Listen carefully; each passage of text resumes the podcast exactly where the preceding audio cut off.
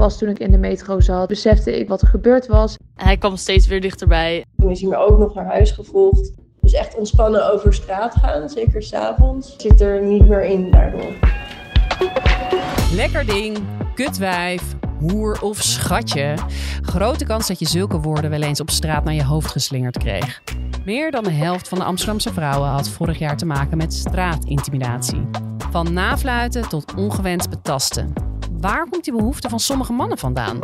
Is er iets tegen te doen als het niet strafbaar is? Of kunnen we er maar beter mee leren leven? In Amsterdam Wereldstad, een podcast van het Parool, bespreken we een Amsterdams fenomeen en geven we antwoord op de vraag: hoe zit dat eigenlijk? Mijn naam is Lorianne van Gelder. Welkom. Fijn dat je weer luistert. We gaan het deze keer hebben over straatintimidatie. Iets waar 51% van de vrouwen en 32% van de mannen in Amsterdam het afgelopen jaar mee te maken kregen. En daar praat ik over met Raunak Kadari. Hoi. Welkom weer, Raunak. Jij bent eigenlijk onderwijsverslaggever van het Parool, maar Ja. je schrijft ook regelmatig over straatintimidatie. Ja. En ook Juri Olrichs is aangeschoven. Hallo. Welkom Juri. Jij bent seksuoloog bij de NVVS, de Nederlandse Wetenschappelijke Vereniging voor Seksuologie. Een hele mond vol. Gelukkig afgekort. Ja. Ja, en trainer en consultant bij Rutgers. klopt. Ja. Eh, het kenniscentrum voor seksualiteit. Ja. Heel fijn eh, dat je er bent.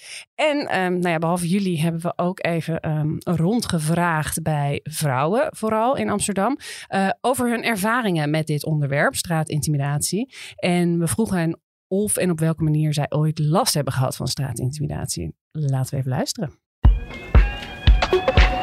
Ik heb in de metro in Amsterdam wel eens een moment gehad dat het heel druk was. Toen stond het zo vol dat iedereen best wel op elkaar gedrukt stond. Er was er een man achter mij met zijn hand de hele tijd op mijn billen. Dat bleef maar doorgaan ook toen ik zeg maar, van naar voren probeerde te schuiven, toch zover ik kon. En hij kwam steeds weer dichterbij. Uiteindelijk moest ik de eerste halte eruit, dus ik was weg. Ik ben wel meerdere keren lastiggevallen door mannen. Ik moet bekennen dat dat de laatste jaren, ik ben nu 38, steeds minder gebeurt. Ik liep naar de metro. Ik passeer een, een man. Terwijl ik hem passeer, schreeuwt hij in mijn gezicht heel hard hoer. Ik schrok, ik ben doorgelopen. Pas toen ik in de metro zat, besefte ik wat er gebeurd was. En voelde ik wel dat ik heel erg geschrokken was. Maar zoals eigenlijk elke situatie heb ik dat verder genegeerd. Ik ben ook wel eens door een politieagent staande gehouden omdat ik geen helm op had. Dus dat was terecht. Maar vervolgens wilde hij mijn identiteitsbewijs niet meer teruggeven. Behalve als ik met hem uit eten zou gaan. Toen is hij me ook nog naar huis gevolgd. En, en ja, ik ben wel vaker eh, überhaupt gevolgd door een taxichauffeur. Of eh, heeft iemand in het openbaar voor zich wel zitten aftrekken naast me. Dat twee jongens op een scooter langs mij reden op de fiets en me heel hard op mijn bil sloegen. Ik merk wel dat als er voornamelijk, nou eigenlijk alleen maar mannen staan, of in groepjes of dan wel alleen, dat ze bijna altijd wel een opmerking maken over mijn hond die er leuk uitziet. Oh, trouwens, jij ook. Dat soort opmerkingen, die krijg je wel echt dagelijks naar je hoofd geslingerd. Ja, dit zijn nogal eh, uiteenlopende en eh, nou ja, ook best wel wat indringende situaties. Eh, Nou, ik verbaas me wel over Ja? dit. Ehm, dat het best wel heftige dingen zijn. Ja. Dus het straatintimidatie is natuurlijk het is heel groot. Het gaat van pst naar inderdaad je hand op je bil of slaan. Ja. Ik schrik hier toch wel van. Ja, het, het komt dus wel eh, veel voor. Eh, dat blijkt ook uit cijfers. Maar laten we heel even teruggaan wat, naar wat straatintimidatie precies is. Ja, het is wel goed om te benoemen. Het is een subjectief iets. Dus het is wat voor jou straatintimidatie is, hoeft dat niet per se voor mij te zijn. Dat horen we ook in de voorbeelden van deze vrouwen. Maar de algemene definitie van straatintimidatie is als er ongewenste fysieke, verbale of non-verbale toenadering eh, plaatsvindt in de openbare ruimte. Ja, met als gemene deler dus inderdaad dat ongewenste. Ja, dus je dat niet wil. Ja. Ja, En als je naar de cijfers kijkt, hoe groot is dit probleem in Amsterdam? gigantisch. Ja? In de afgelopen twaalf maanden is 42% eh, van de Amsterdammers wel eens geconfronteerd met één of meer vormen van straatintimidatie. En dan hebben we het over alle Amsterdammers. Maar net als in de voorgaande jaren is altijd vrouwen, die zijn altijd in de meerderheid. Dus je ziet dat 51% van de vrouwen, eh, die heeft daar last van, tegenover 32% van de mannen. Ja. En dan komt er toch echt een gigantische uitschieter. Vooral jonge vrouwen tussen de 15 en de 34 jaar, die hebben 72%, eh 72% van hen heeft hier wel eens mee te maken. Ja, ja, en in het voorbeeld hoorden we ook een, een vrouw die zegt: Ik ben 38, ik heb er iets minder last van. Ja. Dat is natuurlijk ook wel een, eh, een gegeven dat, Ja. ja. dat het misschien afneemt als je iets ouder wordt. Wat ook confronterend kan zijn, als ik voor mezelf spreek.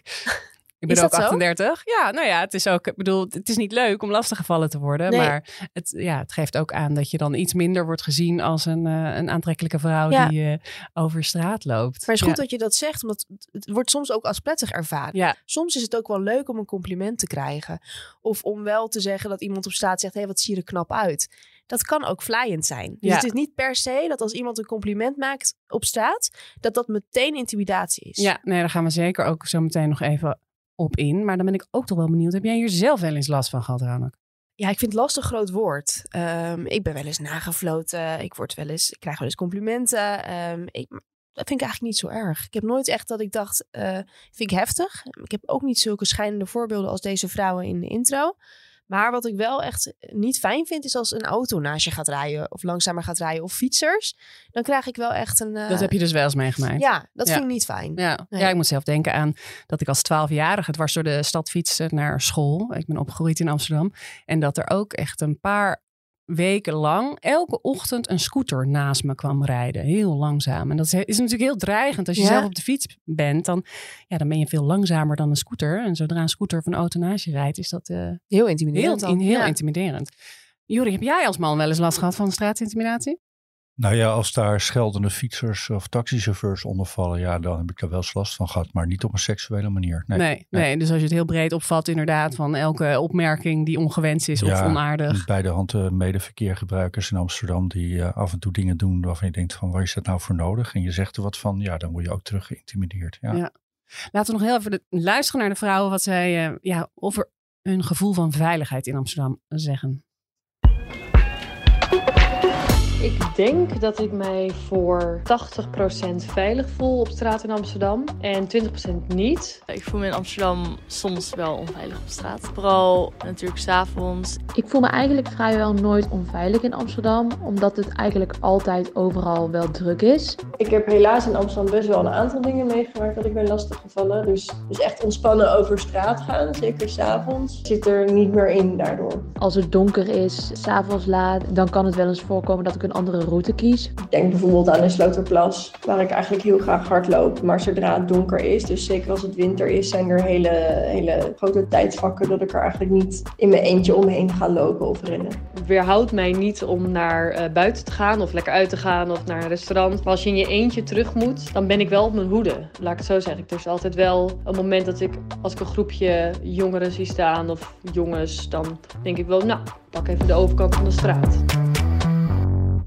Ja, deze vrouwen die schetsen dus echt dat, ja, dat ze toch op hun hoede zijn. Mhm. Ehm, als we het dan hebben over ja, vooral de mannen, waar ze waarschijnlijk last van hebben. eh, waar komt die behoefte van mannen vandaan om, om Nou ja, ik denk dat het vooral de, de jongere mannen zijn. Hè? Wat, wat die mevrouw net zei, van, nou, vanaf mijn 37ste heb ik er niet veel last van. Ik denk ook dat het te maken heeft met de leeftijd van de mannen die met name de straatintimidatie doen. En ik heb het idee dat het vooral jongens en mannen zijn die ten overzaan van hun vrienden eh, zichzelf nog even willen bewijzen als, als macho. Als kijk eens, ik durf vrouwen uit te dagen. Eh, of ik durf eh, andere mensen die geen vrouw zijn, maar trans of, of homo of, of man, te laten zien van hé, hey, ik, ik ben niet een van jullie. Want het is toch ook een stukje identiteitsbewijs. dat je durft te intimideren en te laten zien, ik ben een echte man. Dat is eh, helaas eh, ja, het mechanisme wat daartoe leidt dat ze dit soort dingen gaan doen. Een van de vele dingen. Het macho gedrag, eh, Ja. stoer doen naar, naar Ja. vrienden toe. Jij gaf ook seksuele voorlichtingen aan minderjarige plegers van zedendelicten. Klopt, ja. Dan hebben we het echt over zwaar strafbare feiten. ja, die zijn over de grens gegaan. Zwaar over de grens, ja. En in hoeverre heeft dat te maken met straatintimidatie? Nou ja, een beetje hetzelfde eh, mechanisme. Dat die jongens, ik bedoel, ze hebben iets fout gedaan. ehm, en het waren ook meisjes trouwens. eh, maar ze hadden geen idee hoe dat overkwam. En ze hadden geen idee dat zij in die situatie meer macht hadden. Je had het net over die brommer die heel langzaam rijdt. Ja, dat is puur staaltje machtsvertoon. Diegene is sneller, eh, misschien ook wat ouder. En eh, die jongens op die leeftijd en meisjes hebben dat soms niet door. Dat ze een machtssituatie hebben en dat het heel intimiderend kan overkomen. En ze groeien op met het idee van, ach, weet je, aandacht geven, dat is goed. En eh, ja, je moet toch de eerste stap nemen als man. Dus dan doen ze dat met een sis of met een fluit of met een opmerking. En dan zien ze wel. In de hoop van dat? Nou, dat er een positieve reactie terugkomt. Je ziet het zelfs met de dickpics. Heel veel mannen die sturen dat uh, met het idee van... nou ja, als ik laat zien dat dit mijn soort aandacht is die ik wil hebben en wil geven... dan hoop ik dat het terugkomt. Maar ze vergeten het machtsverschil en uh, de context. Want dat is natuurlijk ook heel belangrijk. Ja, er is nogal een verschil of je inderdaad langs de Slotenplas wordt aangesproken door meerdere mannen. Of, ja. of dat je gewoon overdracht door uh, een jongen een complimentje krijgt. Precies, ja. ja. En hoe je dat doet, dat kan je al jong leren. Hoe ging je met hen te werk? Nou ja, door aan te geven van dit waar dit, je hebt duidelijke grens overschreden. Uh, en we gaan samen uitvinden hoe dat is, heeft kunnen gebeuren. En uh, hoe je kunt voorkomen dat je weer de grens overschrijdt. Um, en uh, bij 9 van de 10 uh, jongeren die ik sprak, sloeg dat aan. Versierles. Bij wijze van spreken, ja. ja. En, en inzicht in macht. Hè. Dat, dat jongens die komen minder vaak in de situatie dat zij minder macht hebben. En hè, ze zijn fysiek wat sterker, 9 van de 10 keer op, op een bepaalde leeftijd. En meisjes worden ook heel erg opgegroeid met het, opgevoed met het idee voorzichtig en uh, ga niet te laat op straat. En uh, weet je, en dat, dat voedt al een beetje dat verschil. Dat meisjes opgroeien met het idee van, oh, er zijn mannen, ik kan daar niet tegenop. Gelukkig uh, weten we inmiddels beter en gaat dat steeds anders. En hoe vertel je die jongens dan? Hoe laat je ze echt voelen dat zij wel macht hebben? Ja, dat is soms heel lastig, want ze hebben het niet door. Het is een beetje als, als met John de Mol in die uh, documentaire Boos. Die man die heeft ook weinig mensen boven zich en die heeft totaal geen idee hoe dat is. Maar ik zeg, ja, zet, zet, hem in een tandartsstoel, bij wijze van spreken, en, en laat hem een verdoving geven. En dan heeft iemand de macht over je. En zulke voorbeelden moet je met die jongens ook weten te vinden. Want anders nou, denken ze, ik, ik, ik, vecht me er wel uit. Ja, want ze hebben natuurlijk heel veel bravoure. En als je dan zegt van ja, maar stel nou twee jongens pakken je vast. Joh, dan schop ik en dan sla ik en weet je wel. Maar dat is natuurlijk niet realistisch. Maar dat is wel het beeld wat ze van zichzelf willen geven. Hè? De zelfredzame man. En uh, daar moeten we ook een beetje vanaf. Ja, nou ja, laten we dan ook meteen wel de vraag opwerpen die de laatste tijd voorbij komt in meerdere contexten. Mag je dan helemaal niks meer? Ja. Nou, nou, kun je niet gewoon een compliment geven uh, op straat? Mag dat dan niet meer? Ja, ik vind dat zo'n dooddoener. En ook meteen de hele discussie uh, platslaan eigenlijk, of doodslaan moet ik mm. zeggen. Um, er mag heel veel, maar het gaat er echt om, hoe je dat doet. En tegelijkertijd zitten we ook in een, in een tijd waarin de normen aan het verschuiven zijn. En dat, is altijd, dat geeft altijd een beetje frictie. We zijn aan het aftasten met z'n allen van wat mag wel, wat mag niet. Er zijn nog steeds generaties die het helemaal niet gewend zijn dat vrouwen s'nachts alleen op straat liepen. Want dat was vroeger helemaal niet oké. Dus we moeten even met z'n allen ons bewust worden van wat zijn we aan het doen. Wat vinden we aanvaardbaar met z'n allen? En hoe gaan we daar dan mee om? Want er mag heel veel, uh, maar we moeten wel kijken of die andere kant dat ook wil. En heb je daar een voorbeeld van wat voor, ja, wat voor handvatten jongens of, of anderen uh, zouden moeten hebben van wat wel kan en wat niet kan? Nou, niet, maar ik heb wel een heel goed voorbeeld, eh, ook uit mijn eigen omgeving. Wij zitten hier met de redactie boven Stadsreiniging Amsterdam. En daar staan best wel veel mannen buiten ook te roken, maar ook s'avonds. En ik weet nog wel een keer dat ik hier s'avonds wegliep. Toen was het al donker. En toen stond er een groepje mannen daar. Uh, en ik liep langs om mijn fiets te pakken. En er komt één man naar voren lopen en die zegt, mag ik jou wat uh, vertellen? Ik zeg, ja, oké. Je ziet er heel goed uit. En dat was totaal niet dreigend. Dat was niks geks aan, maar dat was op zo'n subtiele manier aangepakt. Dat ik dacht, wow zo kan het dus ook. Terwijl als zij misschien hadden gedaan pst, of lekker ding, dan had ik me wel geïntimideerd gevoeld. Ja. Dus het kan wel en het mag allemaal ook nog steeds. Maar denk even na hoe de ontvanger erop reageert en wie ja. jij op dat moment ook bent. Ja, het gaat echt om communicatie ja. en context. Hè? En dat, dat, dat zijn dingen die je al vanaf af jong kan leren. Ik bedoel, basisschool. Nou, op die leeftijd kun je al leren hoe geef je complimentjes en hoe schat je in wanneer je iets wel kunt zeggen, wanneer je iets niet kunt zeggen. Dat kan je al van jongs af aan al leren. Ja, ik heb wel eens een, een aardige um, ja, soort, soort uh, ezelsbrug geleerd van, uh, van voorlichters aan, uh, aan jongens op de middelbare school. Moesten ze eerst alle vrouwen in hun leven opschrijven die ze lief vinden. Ja. En vervolgens alle um, woorden die ze roepen wel eens naar, naar meiden. En dan moesten ze die aan elkaar koppelen. En dan kreeg je meteen reacties uit de klas van... nee, doe normaal, dat zou ik nooit doen. Claudia de Breij had ook een treffend voorbeeld in haar oudejaarsconferentie. Dat ze op een gegeven moment zei van denk na, zou je het aan je moeder zeggen? Of zou je tegen je moeder zeggen? Van hey, lekkere kont in die broek. Zou je dat tegen je moeder zeggen? Nee? Nou, dan moet je het misschien ook niet tegen die vrouw of staat zeggen. Uh, maar zou je tegen je moeder zeggen, hé, hey, wat staat die broekje goed? Nou, kan je wel zeggen. Ja, ja, precies. Laten we nog ook even luisteren naar hoe Amsterdamse vrouwen, wat voor maatregelen ze treffen om zich veiliger te voelen op straat. Ja. Als wij eh, onze hond moeten uitlaten, dan gaat het liefst mijn vriend in de avond met haar uit, zodat ik uh, niet buiten hoef te komen. Ik ga harder fietsen en ik denk er ook soms wel over na wat ik aan heb. Of, of ik er op een bepaalde manier uitzie die extra aandacht kan trekken. En ik, en ik wil dat helemaal niet, dus dat is ook een innerlijk conflict dat ik dan heb. En ik wil gewoon mezelf kunnen zijn. Mijn vriend of een vriendin opbellen terwijl ik over straat loop. Of toch de fiets pakken in plaats van lopen als het maar een klein stukje is. Heel vaak heb ik ook mijn sleutels in mijn hand op de een of andere manier. En dan, ja, voor het geval dat als een soort van wapen of zo. Maar heel vaak gebeurt het ook dat ik er helemaal niet over nadenk en wel gewoon de straat op loop. Ja, dus gewoon heel concreet je sleutels in je hand als een soort, ja. Uh, ja, ja, en dat is natuurlijk heel veel, voor heel veel mannen uh, gaat dat gelukkig niet op. Hè. De meeste mannen zijn uh, welwillende wezens die niemand kwaad willen doen. Maar dit is wel het beeld wat, wat helaas in de maatschappij is ontstaan al die honderden jaren. En ik moet eerlijk zeggen, ik ben ook blij dat mijn dochter van 15 op een vechtsport zit. En ja. dat vind ik ook af en toe een beetje gênant om te denken. Maar het is wel iets waar je in opgroeit. Ja. En, en het duurt heel lang voordat we dat ja, een paar stappen verder zijn, denk ik. Ja, ik, ik, ik moest ook op uh, zelfverdediging als, als tiener. Uh, maar dan wordt het wel bij de meiden gezocht. Ja, ja. ja precies. En, en, en die verantwoording ligt natuurlijk bij allebei. En, en ik bedoel, vrouwen moeten ook leren om, om mannen op, als, als partners te zien in het voorkomen hiervan. Hè? Dus niet het is vrouwen tegen mannen of, of die groep tegen die groep. Want die neiging krijg je soms ook wel eens in de discussie van jullie mannen dit en oh, jullie vrouwen dat. Daar schiet je niks mee op. Hè? Je moet leren dat je daar samen uh, uit kan komen. En hoe? Ja, dat is ook weer per situatie en per groep anders. Je hebt ook veel verhalen gehoord van vrouwen, Raunak. Uh, wat voor maatregelen zijn treffen? Wat, Ja. wat, wat heb jij zo gehoord? Ja, we hebben een hele mooie productie gemaakt in de krant met Lara Opdijn, waarin we acht vrouwen hebben geïnterviewd over wat zij nou in het dagelijks leven doen om straatintimidatie tegen te gaan of zichzelf zo goed mogelijk te verweren. Ehm, Lucia Koning, zij is 24 en zij doet behalve de sleutels eh, tussen haar vingers steken altijd, gaat zij dus ook bijna nooit in haar yogabroek naar buiten. En voor mensen die niet weten wat een yogabroek is, die zit knettertje strak en die laat alle vormen zien. Ehm, en dat vindt ze dus te, te uitdagend. Oh ja. Ehm, Talita Isik en die doet altijd haar capuchon op. Zij is ook 24 en die doet altijd alsof ze belt als ze buiten loopt. En in die capuchon stopt ze dan ook haar haren, zodat ze lijkt op een, op een jongen.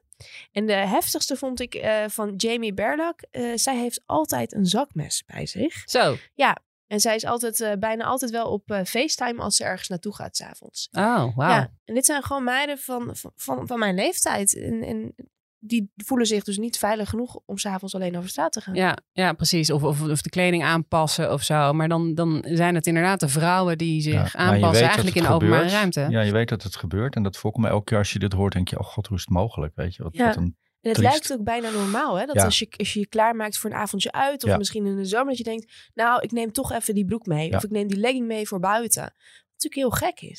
Ja. En het zijn wel allemaal individuele voorbe- Ja. voorbeelden van maatregelen nemen. Maar de gemeente doet ook inmiddels eh, heel wat. Het is best wel een speerpunt ook van burgemeester Femke Halsema. Ja, Ehm, en een paar jaar geleden werd een, een zogenaamd CIS-verbod, dus een soort bijnaam kreeg dit, eh, dat eigenlijk straatintimidatie moest tegengaan in Amsterdam. Maar wat, wat, wat hield die maatregel in? Is, is dat inderdaad een verbod? Ja, dat was, dat was ehm, het verlangen. Een CIS-verbod was eigenlijk een verbod tegen alle vormen van verbale en non-verbale staatsintimidatie. Dus naroepen, nafluiten. ehm. maar dat hebben we wel in de APV gezet, dus de algemene ehm, regels van Amsterdam. Ook Rotterdam heeft dat gedaan, maar we handhaven er niet op, omdat het gewoon niet te doen is. Ja. Dus Want ga maar eens bewijzen dat iemand achter je aanliep of Ja. iets tegen je riep. Dus Ja. in, in, in, eh, in theorie krijg je 190 euro boete als je een vrouw eh, nafluit of uitscheldt of, of iemand anders, eh, bij iemand anders dat doet. Maar ze konden dat helemaal niet, niet handhaven. En daarom is, en dat was ook het kop van het stuk wat ik toen schreef, is dat het CIS-verbod is gedegradeerd tot een vrijblijvende wens van gemeenten. Ja, ja precies. Dat is het. En het Ja. is ook wel goed om te benoemen dat er- is een zaak voorgekomen bij het gerechtshof in Den Haag. En daar is ehm, eigenlijk verteld dat het sissen en straatintimidatie valt onder, het vrijheid van, onder de vrijheid van meningsuiting. Oh ja, dus, Oh ja. dus de enige boete die was uitgedeeld in Rotterdam, geloof ik, Ja. die werd weer onderuit eh, ja, die gehaald. werd eh, aangevochten en Ja. toen bleek je, je kunt dat helemaal niet strafbaar Ja, stellen. ik begreep wel dat de staats of nee, de minister eh, van eh, Justitie, eh Dylan Jezielkus, Ja. die is daar wel mee bezig om, om een, een landelijke Ja. wet in te voeren. Ja, ik vind het ambitieus, want zij was ook de voorvechter toen zij nog in de gemeenteraad zat in Amsterdam voor dat CIS-verbod in Amsterdam. Zij is ook die aanjager van dat CIS-verbod. Het is niet gehaald. Dus om het nu wel te halen, zou je de grondwet moeten wijzigen. Ehm, dus ambitieus plan, maar we moeten nog zien of dat gaat lukken. Ja, Ja, en ik, ik zie in mijn werk, want ik werk ook veel in het buitenland eh, voor Rutgers. En eh, ja, overal worstelen we ermee. En, en wat ik eh, het meest effectief vind, is dat mannen en vrouwen en, en andere genders met elkaar in gesprek gaan van, goh, wat bedoelen jullie en hoe moeten we het anders doen? En weet je, die, die, dat is juist zo belangrijk. maar zeg je ook van moeten we dat eigenlijk wel willen? Zo'n zo'n echt zo'n wet, een verbod? Ja, het lijkt me zo lastig, want je kan al- overal wetten en verboden opmaken. En, en als het, dit, dit zijn gevoelskwesties. En, en weet je, wat we net ook al zeiden, in de ene context kan het wel, in de andere context kan het niet. Dus volgens mij eh, belast je het rechtelijk systeem daar heel erg mee als je dit gaat strafbaar stellen en mensen daar aanklachten voor doen. Eh, tuurlijk moet je daar wat melding bij doen en, en moet je actie nemen als, als, als je er last van hebt. Maar ja, er zijn heel veel andere wegen volgens mij. Zijn er wel- eigenlijk plekken waar je het kan melden? ja, je hebt centrum, centrum seksueel geweld, heb je. Maar dat is ook, ook echt voor de, voor de wat zwaardere eh, intimidatie. Je kan in ieder geval sowieso daar, daar met mensen praten. Je hebt ook stop straat met intimidatie. Eh, er zijn ook eh, campagnes, ehm, ik denk bijvoorbeeld aan Ben je oké van Rutgers in het uitgaansleven. Waarin je kunt lezen wat je kunt doen als je intimidatie voor je neus ziet. Dus dat is ook wel goed om gewoon eens tips te krijgen van hoe reageer je als je dat ziet gebeuren. Zijn er andere manieren waarop de gemeente ingrijpt, Ranak? Ja, burgemeester eh, Femke Halsma doet, eh, doet heel veel pogingen, moet ik zeggen. Een paar jaar geleden was er een campagne hashtag Jij staat niet alleen. ehm, waarbij meisjes en vrouwen die te maken krijgen met seksuele intimidaties... ehm, gekoppeld werden aan een soort van buddy. eh, die hen kon helpen om weerbaarder te worden in de maatschappij. Ehm, en toen was er echt heel veel kritiek over... ja, maar hoezo focus je dan op de vrouwen? En waarom pak je die eh, verdachten niet of die daders? Ehm, en dit jaar is zij weer begonnen met een campagne...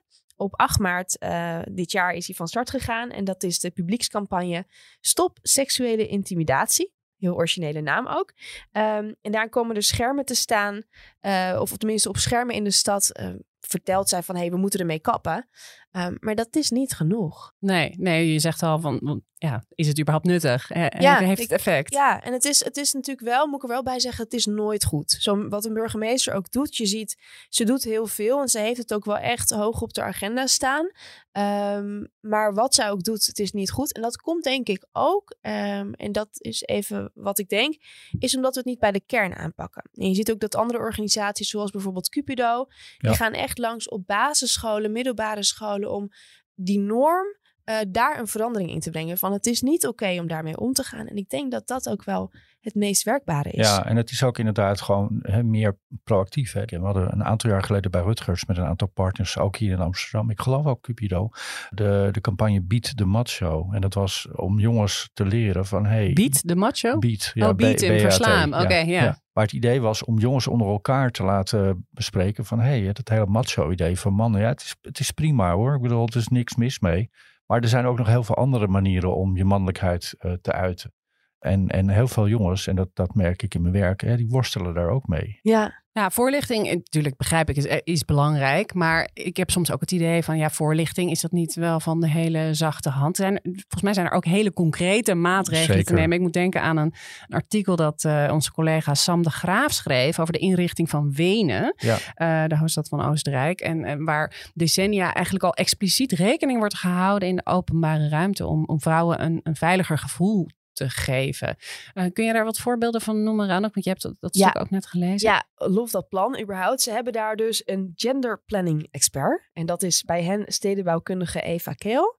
Ehm, en het zijn eigenlijk hele voor de hand liggende oplossingen. Dus we hebben het over straatverlichting. We hebben het over bredere stoepen met meer ruimte voor voetgangers. Zodat je dus niet tegen elkaar aanschuurt als je voorbij loopt. Vrij zicht op voetpaden en, en parken. Geen donkere hoekjes en geen bosjes langs wandelroutes. Eh, en voldoende openbare toiletten.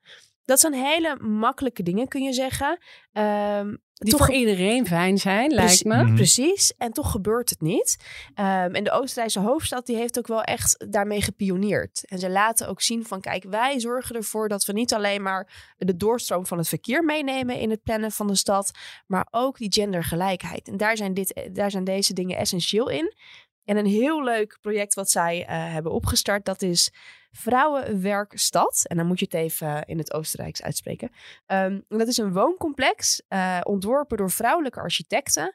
Uh, waaronder het principe Eyes on the Street is uh, gewaarborgd. Dus dat betekent dat alle woonkamers en keukens op de straat uitkijken. Zodat je altijd mensen hebt die meekijken als je door de buurt loopt. Oh ja, dat was ook altijd de tip die ik meekreeg. Ja. als het dan donker is, ga, kies dan een straat waar mensen de straat kunnen zien. Ja. ja. En mag je geen gordijnen ophangen waarschijnlijk. Heel Nederlands, toch? Ja. Open gordijntjes. Dan kunnen ze wel weer bij je naar binnen kijken. Ja. Ja. Ja. Nou ja, en ik denk dat dat zeker goed is. En, en zo zijn er nog veel meer maatregelen. Maar het is terecht wat jij net ook zegt. Van de, je moet ook wel op de mensen die over de schreef gaan, moet je ook wel echt op de vinger stikken. Hè? Het moet wel duidelijk zijn van dit kan niet. Ja, maar dan wil ik jullie tot slot eigenlijk nog even een stelling voorleggen.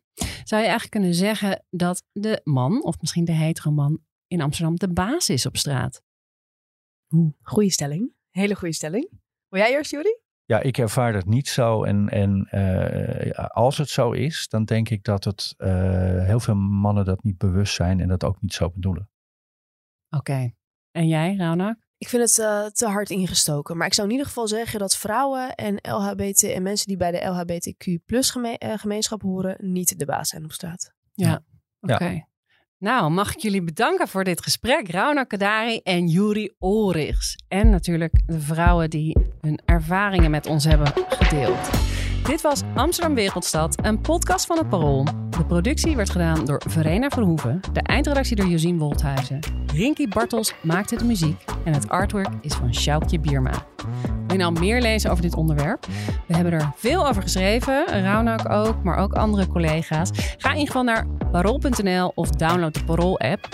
We zetten ook een aantal linkjes in de show notes. En reageren of vragen stellen kan altijd via podcast.parool.nl. Vinden we leuk, we reageren altijd. Hartelijk dank voor het luisteren en tot volgende week.